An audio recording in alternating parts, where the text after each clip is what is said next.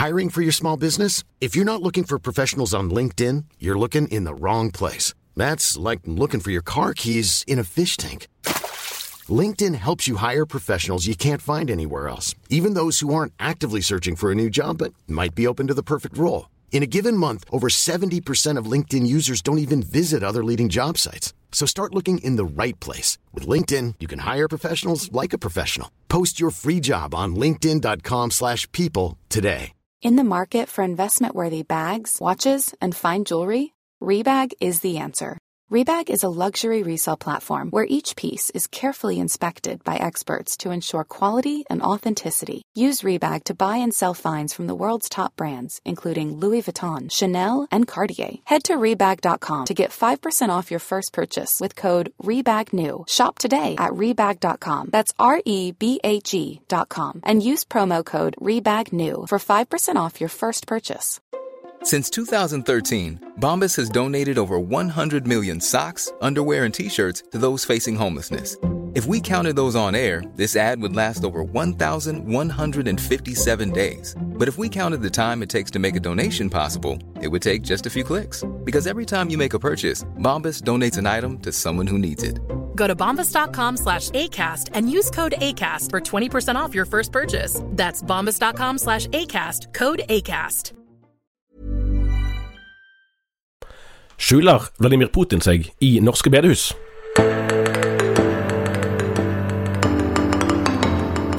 Tor Hjalmar Sævik og meg sjøl, Tarjei Gilje, er på plass eh, på, på hvert vårt hjemmekontor. Vi er, vi er litt lattermilde, må vi innrømme, da, i begynnelsen her. Vi skal straks eh, snakke om Kringkastingsrådets eh, behandling av NRK-programmet Shaun, som vi òg har snakket om tidligere. Men vi begynner med forsiden av dagens avis. For der er det altså Klepp-politiker Arild Børge Skjæveland fra Senterpartiet som, som sammenligner egentlig norske bedehus med Putins Russland, og mener at disse bedehusene burde ha mistet kommunal støtte for lenge siden. Det er ikke hverdagskost denne type sammenligninger, Tor Hjalmar? Nei, det er vel en sammenligning som jeg ikke har hørt før. Bedehuset er blitt beskyldt for veldig mye forskjellig i i eh, norsk historie, men, men akkurat også i ledtog eller på, på lag med Vladimir Putin er vel noe nytt. Han sier inne i intervjuet Altså, han har sittet i, i Klepp kommunestyre i ni perioder, han er karen, så han må virkelig være den, en av de fremste sikkert veteranene som er der. Noen kaller seg for konservative kristne, men jeg har kommet til at jeg heller vil kalle de radikaliserte. Det er ikke liksom noe forsøk på å være forsiktig? Nei, nå kommer det fram i intervjuet at han eh, selv har vokst opp i bedehusmiljøet og tydelig har et nokså anstrengt forhold til det, uten at han går i detaljer. Men eh, Eh, det er jo eh, det er vel en beskrivelse som, som, eh, som vil virke ganske fremmed for de fleste som hører til der, tror jeg. For, ja. Jeg har vokst opp i dette miljøet og har fulgt med på utviklingen i de kristne miljøene. Det er ikke alltid at kjærligheten står i første rekke, sier han i intervjuet. Nei, nei eh, altså En person sine, sine, erfaringer må jo vedkommende måtte eh, ha og, og forklare sjøl. Men, men, litt av utfordringen her er vel når dette skal gjøres allment. Eh, og, og, brukes som en, en, slags miljøskildring. Så, så eh, er det litt vanskelig å få tak i hva han, hva han egentlig eh, sikter til. Vi skal ikke gjøre narr av, av folk sine, sine ofte smertelige erfaringer. Det gjelder òg eh, her det som kanskje Jeg syns iallfall det er litt, eh, litt morsomt da når når vår journalist spør om det å sammenligne bedehusfolket med presidenten i Russland er litt drøyt, eh, så er svaret at svette bønnekjellere er ganske innesperrende, de også, skal jeg si deg. Ja. Beskrivelsen står jo for seg.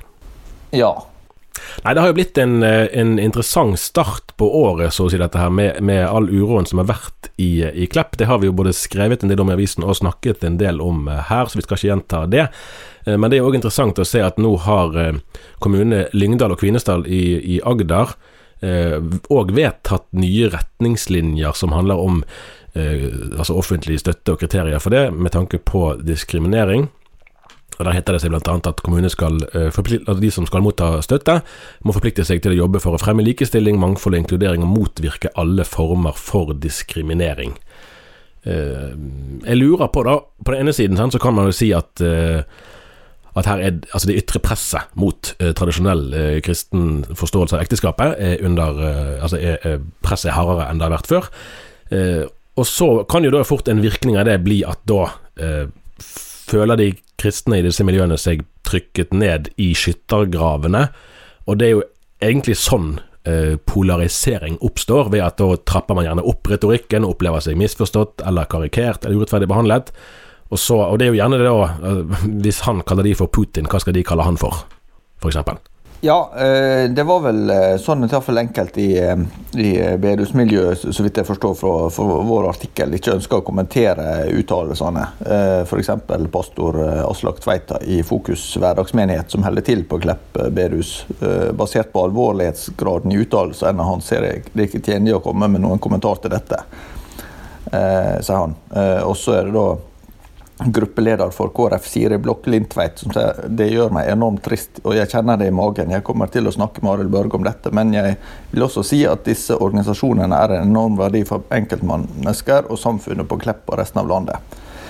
Um, så det er jo litt sånn um, Ja, det sier jo kanskje litt om, om um, debattklimaet, men, men, igjen så er vi tilbake til at det, det er veldig overraskende at dette skjer skjer på Klepp, egentlig. Uh, der, der en bedehusmiljøet har vært såpass eh, eh, Ja ja, kan, en kan kanskje si det både overraskende og ikke overraskende. for der ja, du kan si både òg. Det kan være helt omvendt òg, at det nettopp ikke er overraskende. på en måte, at det skjer. For, for, for eh, det er jo også vært en, en, institusjon som mange har hatt et forhold til. Eh, og det forholdet ikke nødvendigvis er godt, da. Men eh, det er jo samtidig et eller annet med at når han så til nesten 40 år i, i kommunestyret, så har han vel eh, antagelig sittet der i lag med en god del forskjellige KrF-ere. Uten å tenke ja, altså er det et viktig poeng at han har ledet dette kommunale utvalget som jo har arbeidet med disse retningslinjene. så Det er jo òg noe av grunnen for at, at, det han sier er Altså Man kan spørre seg hvor stor betydning har dette på landsplan osv., men, men uh, dette er jo da en, sentra, en, tillitsvalgt som er sentral i den kommunen. Han har vært der veldig lenge, og som da har vært med å utforme praktisk politikk som kan få en, både en konkret og en politisk, så å si, mer allmenn betydning. Uh, både i Klepp, og vi ser nå kanskje en utvikling i flere kommuner. Eh, men, men, noe av det som, som eh, egentlig er, er lite framme i disse sakene, det er jo den prinsipielle diskusjonen om eh, hva trosfrihet skal bety i en norsk kontekst. For, for i, i, norsk utenrikspolitikk og sånn, så er jo, er jo eh, trus- og religionsfrihet eh, en viktig verdi. Men, men, hva den skal bety i en, i en vestlig kontekst, det er jo eh, kanskje ikke et tema som blir like mye diskutert. Nettopp. Vi varslet jo for 14 eh, dager siden at vi skulle på reportasjereise. Eh, det har jo nå skjedd, og den, de første eh, resultatene av den i form av avisomtale har allerede vært publisert. På tirsdag nå så hadde vi et oppslag i avisen om Lyngdal, altså KVS Lyngdal kristen videregående skole i Lyngdal, som har landets, altså den kristne friskole i Norge med størst internat. 350 elever totalt, hvorav 250 bor på internat. Eh, og, og, noe av det som var vinklingen i saken, var at under vanlige forhold da, at nærmere 200, eller over 200 var det kanskje òg, av elevene slutta opp om torsdagsmøter som de har på kveldstid, som er frivillige. og det kan jo, avhengig av hvilket bilde man har av en kristen skole på forhånd, så kan det høres selvsagt ut at elevene der går på et sånt møte, men det er jo ikke like selvsagt alle steder. Nei, nå er det jo viktig å, å understreke at disse eh, møtene med 200 de eh, fant sted da det var mulig ut fra eh, gjeldende koronarestriksjonene. Sånn at det er jo ikke så lett å videreføre den type møter. Jeg vet ikke hva restriksjoner som gjelder andre plasser. Jeg, jeg tror de sa at de hadde 65 per møte. Så de hadde to møter nå, og så gikk det an å følge de digitalt òg. Stemmer. Nei, men, men iallfall så, så er det jo interessant, fordi det er ikke selvsagt at folk havner på en, eh, på en eh, kristen skole fordi det er en kristen skole. Det kan ha, sånn som Med KVS Lyngdal så handler det også delvis om at det er et relativt stort innslag av, eh, av lokale elever som velger å gå der fordi det er lenger å, å reise til, til en offentlig videregående. Men, men, så sier det også noe om, om en interesse for for trosspørsmål eller eksistensielle spørsmål, som, eh, som, kanskje gjerne er viktig i den fasen i livet, og der kristne skoler har en mulighet til å, til å um, tematisere det og, og uh, formidle uh, kristen forkynnelse på en måte som, uh, som ja, ungdom frivillig oppsøker. Og her er, jo, her er, jo, faktisk en forbindelse mellom det vi nettopp snakket om, og dette, på den måten at de delene av Kristen-Norge som tradisjonelt har etablert kristne friskoler, er jo gjerne de sammenhengene som f.eks. på Klepp nå får ganske hard, hard kritikk. Eh, og, jo, og, det ligger jo òg bak her eh, utsiktene til stortingsvalget til høsten, der det vel må, ja, det må skje noe veldig spesielt eh, for at statsministeren i Norge heter Erna Solberg òg når vi skriver oktober-november 2021.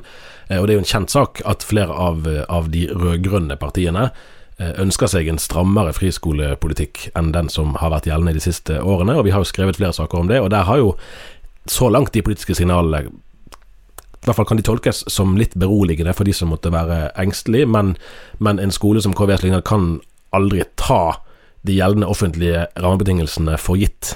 Nei da, og det har jo, eh, som du sier, vært fra tid til annen En eller annen form for, for lovregulering, eller sånn juridisk sikring av, eh, av friskolens posisjon, går tilbake til 1970 med privatskolelova som kom da. Og så har en hatt eh, skoler mye lenger enn det, men da var en mer avhengig av, av lokale bevilgninger og, og skiftende forhold. Og sånn at det, det er jo over 50 år med tradisjon for at det er et rom for slike skoler. Men det har jo stadig vært endringer med eh, endringer i lovverket og sånn. Og så har vi fått et kompromiss nå som har som har vart uh, en stund. Her jeg greier ikke å holde helt oversikt over eh, Nei, Det er vel rett over ti år. for Det var under, under den forrige rød-grønne regjeringen da, kan vi si at, at friskoleforliket ble vedtatt, og så hadde det ja. gjeldt. Men, eh, men, der er det jo spennende for, for de som er i dette feltet, hvordan det, det blir over tid. da. Og Der er det en viktig forskjell. Sant? at Denne offentlige støtten som gjelder disse foreningene på bedehusene, eh, der er jo, de er ikke egentlig avhengig av den støtten. De kan gi et bedre tilbud hvis de har den, men for disse skolene her sin del, så er det ganske Altså det er egentlig urealistisk å drive de uten at de er offentlige finansiert. Selv om det er 85 da, men det er jo tross alt en ganske stor prosentandel, for å si det sånn. Ja da, og det, det henger jo både sammen med hvordan norsk økonomi fungerer, med at, med at, vi er vant med ganske stor grad av redistribusjon. Hvis du tar med både skatter og avgifter, så, så er det vel blitt anslått at vi betaler rundt 70 tilbake igjen til, til, staten. Det vil variere ut fra inntekt og sånn, naturligvis. Men, eh, men eh, eh der er jo lite altså et relativt lite handlingsrom da, for å disponere penger når, når det i så stor grad går via eh, staten og ut igjen. Så selv om vi, vi har rett på mye som nordmenn, så er det på en måte rett på det i form av at eh, det staten sier det tilbake. Så hvis, hvis staten sier nei, så, så, så, blir det jo vanskelig. Ja, ja. og her, her er det vel ja, alle, sikkert i ulike miljøer kan man jo være fristet til å, å være nostalgiske. At man kan tenke at ting var bedre før, eh, og det kan man jo alltid holde på med, men det hjelper ikke nødvendigvis så mye. Nå blir det spennende å se eh, hva som blir rammene, da. Både, både om det blir eh, endring i, endringer i, i, handlingsrommet deres, og, og hva som skjer med med støtteordningene, for det har jo mye å si for, for flere av disse institusjonene, og hva slags plass Eh, de foreldregruppene og de gruppene av befolkningen i det hele tatt som tilhører eh, klassiske eller konservative kristne miljø, opplever at de har. fordi at du kan jo si at hvis altså Økt tilstrømning til kristne friskoler kan jo fint leses som et uttrykk for at disse gruppene føler seg mer uglesett eller stigmatisert i storsamfunnet, og dermed vil søke til egne miljøer der de i hvert fall kan ha en litt større trygghet for at barna deres blir oppdratt i tråd med de verdiene som, som eh, foreldrene har. Så får vi se hvordan det, hvordan det går. Vil du bidra til en bedre verden? Gjennom samfunnsansvar og verdiskapning, og se bedrifter som tenker større og mer bærekraftig? Fra høsten 2021 kan du studere økonomi med vekt på etikk og entreprenørskap på NLA-høgskolen i Kristiansand. Nå tilbyr Hauge School of Management bachelorgrader innenfor økonomi og administrasjon både i Oslo og Kristiansand. Som student får du en relevant og verdibasert utdanning, forelesere som er tett på, og mentorer fra næringslivet. Les mer på nla.no. Velkommen som NLA-student. Vi vender blikket utenriks eh, et øyeblikk, eh, for nå har vi begynt å se, det skrev du litt om tidligere i uken, et scenario som i og for seg ikke kommer som noen overraskelse på andre siden av Atlanterhavet. Nå snakker vi ikke om riksrettssaken som kanskje blir avsluttet, ifølge Mitch McConnell, som var majoritetsleder i Senatet, nå blir han minoritetsleder. Eh, kanskje avsluttet allerede på lørdag, men vi snakker om presidentskiftet fordi at nå begynner noe av Joe Biden sin politiske profil å bli mer og mer synlig, og den skiller seg jo fra Donald Trump sin på flere områder, og vi har mange områder. Og vi har fått de første leserinnleggene Bl.a. om hans LHBT-politikk, der en del kristne skribenter begynner å si det som ja, dere som ville ha Biden, nå ser dere hva dere ville ha, eller hva dere får. Ja, jeg har jo fulgt eh, amerikansk eh, politikk sånn relativt eh, tett i ti år, kanskje. Altså, med, med særlig vekt på, på eh, det kristne USA, da, eller ja, det religiøse landskapet også litt bredere. Og eh, det er jo blitt eh, mer og mer tydelig at, at for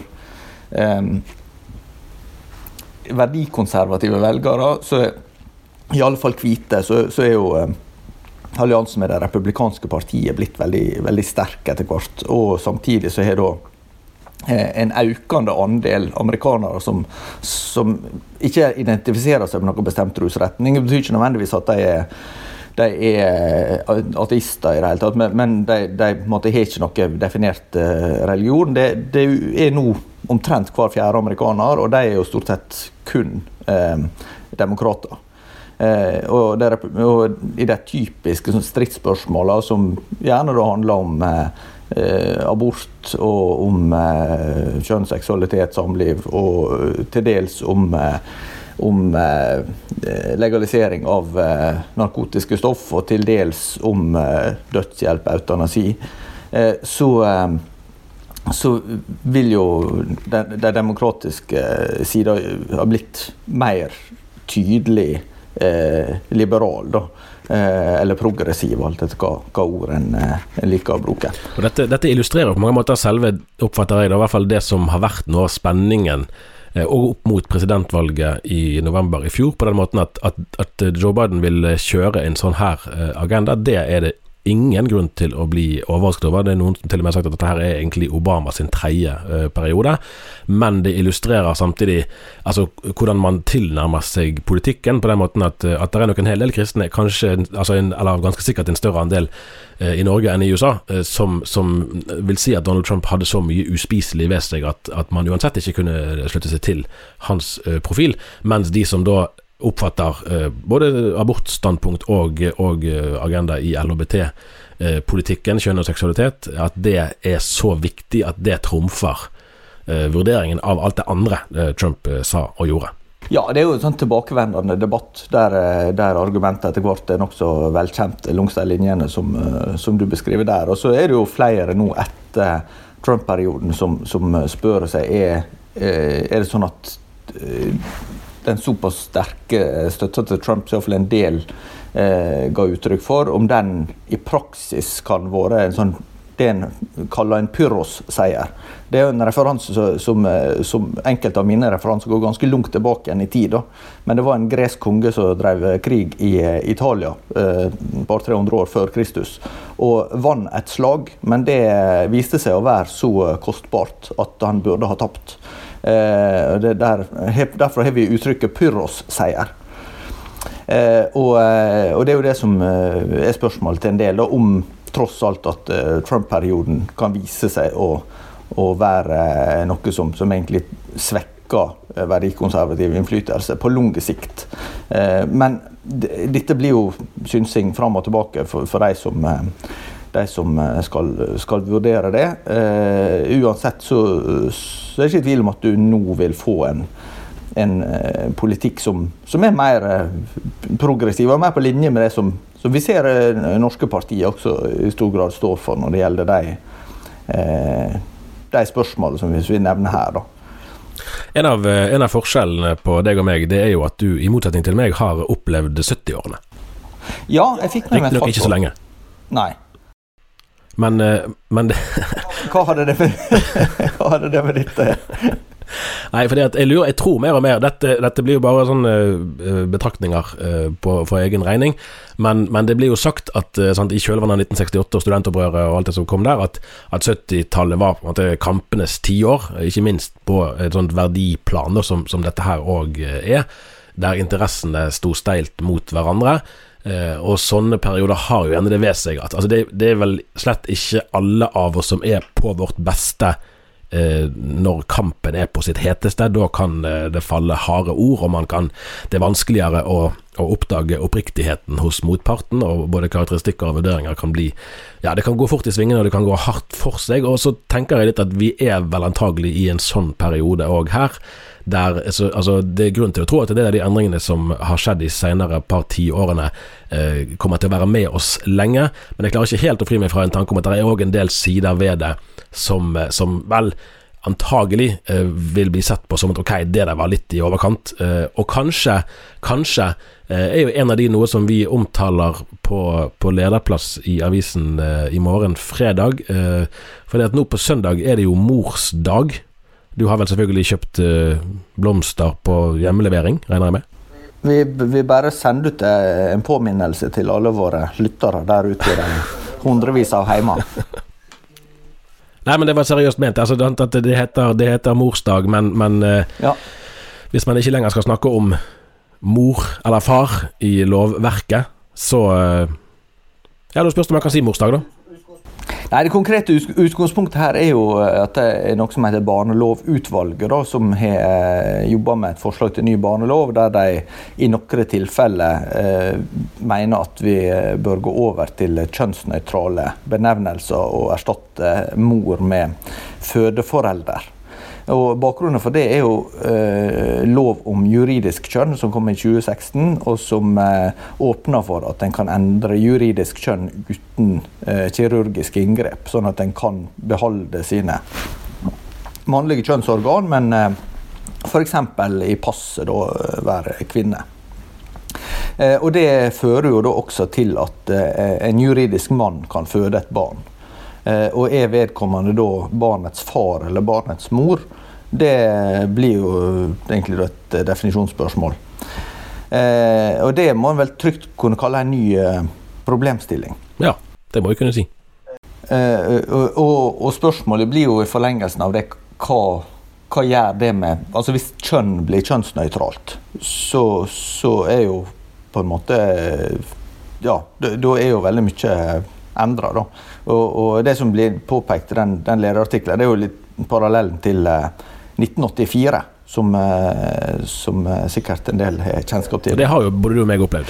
Eh, ja, det har vi opplevd. Men, og, og, jeg har til og med lest boka 1984 av George Orwell. Som, hvis jeg ikke husker feil, så kom den ut i 1948. Det er jo en framtidsdystopi med utgangspunkt i, i London, der han, han beskriver et totalitært samfunn der partiet har tatt, eh, som alle liksom må føye seg etter, har tatt over makta. Derfor har vi uttrykk som storebror og nytale og Så TV-serien Big Brother ja, hadde jo navnet sitt? Ja, Rett og slett. Det, det kommer derfra. Og, og, deres slagord er jo da 'Krig er fred'. Nei, Jeg greier ikke å ta igjen hele slagordet. Nei, men det var Poenget at det motsatte. Da lyset er mørke, og mørket lyser, kaldt er varmt. Ja, og... men, men, det var iallfall det at, at, eh, at den eh, Orda, endrer mening, da. Det er det som er tanken med, med nytale. Eh, og, og, hvis da den som føder et barn, ikke er en mor, hva er da en mor, egentlig? Så, så her er det liksom no, noen diskusjoner som kanskje er blitt litt eh, noe av det som er, sånn, er sånn paradoksalt, syns jeg, er at spesielt kanskje når vi, når du og meg var, var eh, tenåringer, da, så opplever jeg at eller det var en sånn eh, bilde eller fortelling om at kirken er altfor opptatt av seksualitet. Eh, den maser så mye om seksualitet og grenser og så videre og så videre.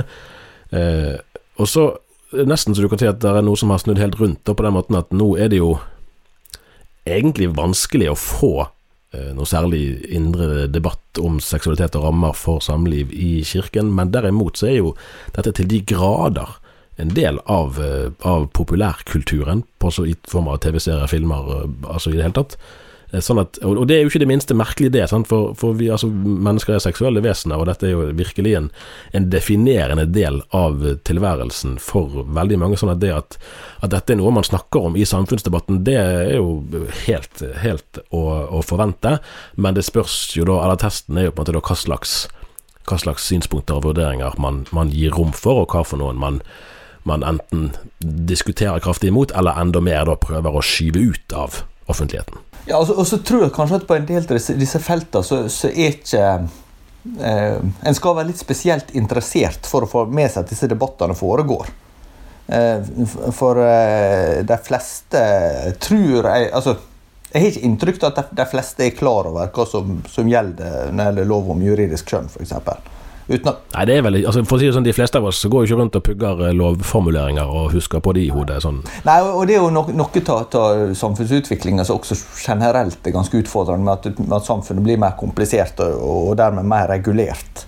Eh, Og det er jo for å- eksempel den siden at Vi har fått en ny diskrimineringslovgivning, og der, der er det jo til og med en sånn indre kristelig politisk uenighet der KrF har støttet loven, mens partiet De kristne er sterkt imot, eh, ut fra at man mener at den lovgivningen kan brukes til å kneble eh, kristne standpunkter. Og det er jo noe av, av siden ved et lovverk at det kan jo brukes til flere ting, og du kan ha en formulering som, som man kan være enige i, eller enige om, eh, men så viser det seg at den blir tolket på en annen måte enn man hadde sett for seg, og plutselig så kan man bli gissel for noe man ikke egentlig eh, ønsket. Ja. Nå var det jo Jenny Klinge i eh, Senterpartiet som reagerte veldig sterkt mot dette lovforslaget, så det blir jo interessant å se hvordan eh, Det var, litt andre eh, representanter i en sånn debatt enn det som kanskje vanligvis blir. da. Senterpartiet prøver jo å bli det nye folkepartiet, så det var vel sånn sett Ja. for for det, det har jo noen, som hun påpeker, også noen interessante implikasjoner for likestillingspolitikk. For, eksempel. for hvis det med kjønn er et eh, rent skjønns... Altså ikke et kjønnsspørsmål, men et skjønnsspørsmål, så, så vil det jo være Da kan en spørre om, om på en måte det med, med lik representasjon i styret osv. er, så- er så veldig viktig. Akkurat.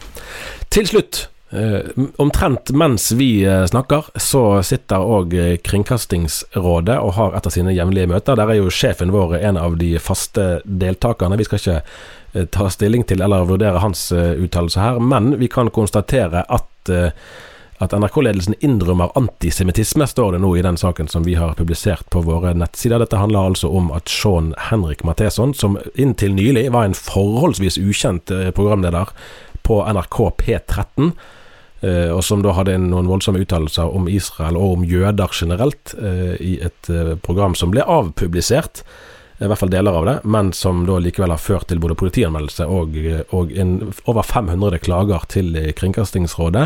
Eh, Og Det er jo ganske sterk kost når rådets leder Julie Bråttkorp sier at dette er det programmet hun har reagert sterkest på av alle de har hatt oppe da til behandling i hennes tid i, i dette rådet. Eh, Det er flere andre òg, altså bl.a. tidligere stortingsrepresentant eh, for Arbeiderpartiet, Tove Karoline Knutsen, som kaller det for grotesk og helt uakseptabelt.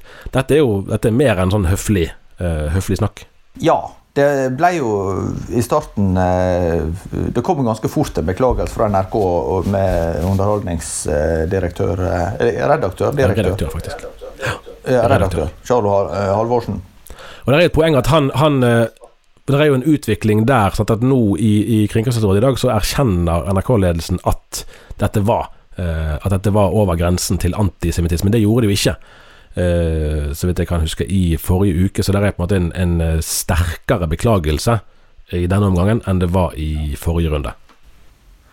Ja, der også så, så er nok kanskje en, en det, det å vurdere at noe er antisemittisk, det, det er jo eh, av og til vanskelig for den som ikke har erfart eh, på kroppen hva, hva konsekvenser noe har. Og hvordan det blir fortolka inn i en større kontekst. Og det tror jeg gjerne at det, Når den jødiske minoriteten har vært såpass lite i Norge som den, den har vært, så, så selv med alt vi har med oss med no, også noen påminnelser i det siste med, med holocaust og politiets rolle med å samle norske jøder og sende dem til Tyskland. Og, eh, altså, så, så, så tror jeg at det, det, den norske nærheten til den jødiske skjebnen, selv om jødene har status som nasjonal minoritet, så, så, så tror jeg at nærheten til måte, jødisk selvfølelse og, og, og identitet, den, den er nok ikke veldig sånn tett på da, i norsk sammenheng.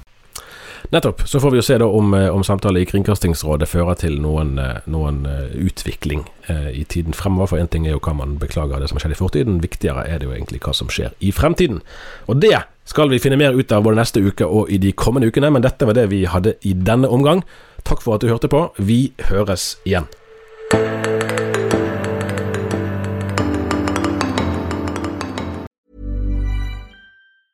A lot can happen in three years, like a chatbot may be your new best friend. But what won't change? Needing health insurance. United Healthcare Tri Term Medical Plans, underwritten by Golden Rule Insurance Company, offer flexible, budget friendly coverage that lasts nearly three years in some states. Learn more at uh1.com. Hi, I'm Daniel, founder of Pretty Litter. Did you know cats tend to hide symptoms of sickness and pain? I learned this the hard way after losing my cat, Gingy. So I created Pretty Litter, a health monitoring litter that helps detect early signs of illness by changing colors, saving you money and potentially your cat's life. Pretty Litter is veterinarian developed, and it's the easiest way to keep tabs on your fur baby's health right at home. Go to prettylitter.com and use code ACAST for 20% off your first order and a free cat toy. Terms and conditions apply. See site for details. When you make decisions for your company, you look for the no brainers. And if you have a lot of mailing to do, stamps.com is the ultimate no brainer. It streamlines your processes to make your business more efficient, which makes you less busy.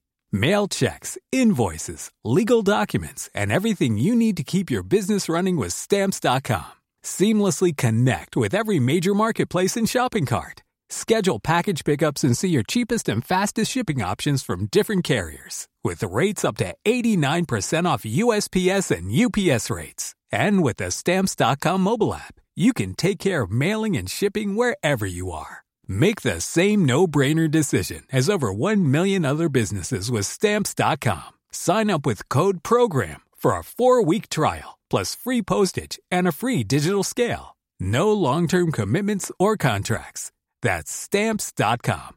Code program.